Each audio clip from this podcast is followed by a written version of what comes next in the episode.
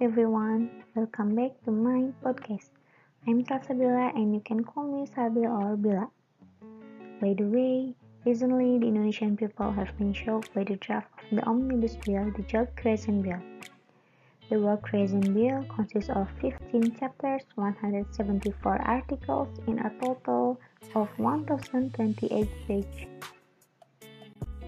Coordinating Minister for the Economy Airlangga Hartarto said the government expected the DPR to complete the discussion on the Omnibus Bill on job creation by the end of August or early September.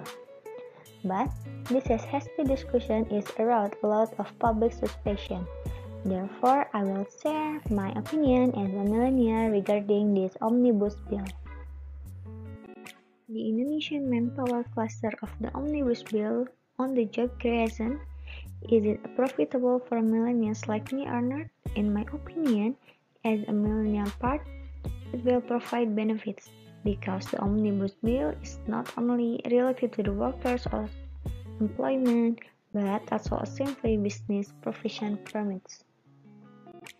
For example, one of the points of this bill, which is about the permissibility of establishing petty individuals, not having to be a company, so this will encourage millennials to open a business and manage our business, especially because I am a student majoring in business education, so I think this will be a profitable for me and the millennials who will make a business.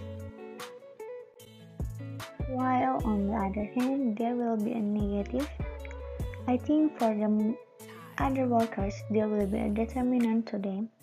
Because of the many regulations that are regulated and this provision, I think will be more detrimental for the workers. Okay, this just my opinion. So if you don't think the same things as me, or if there are any mistake that I say, I apologize. Okay, here comes my podcast this time. Thank you for listening. Hope you enjoy it and have a good day, everyone.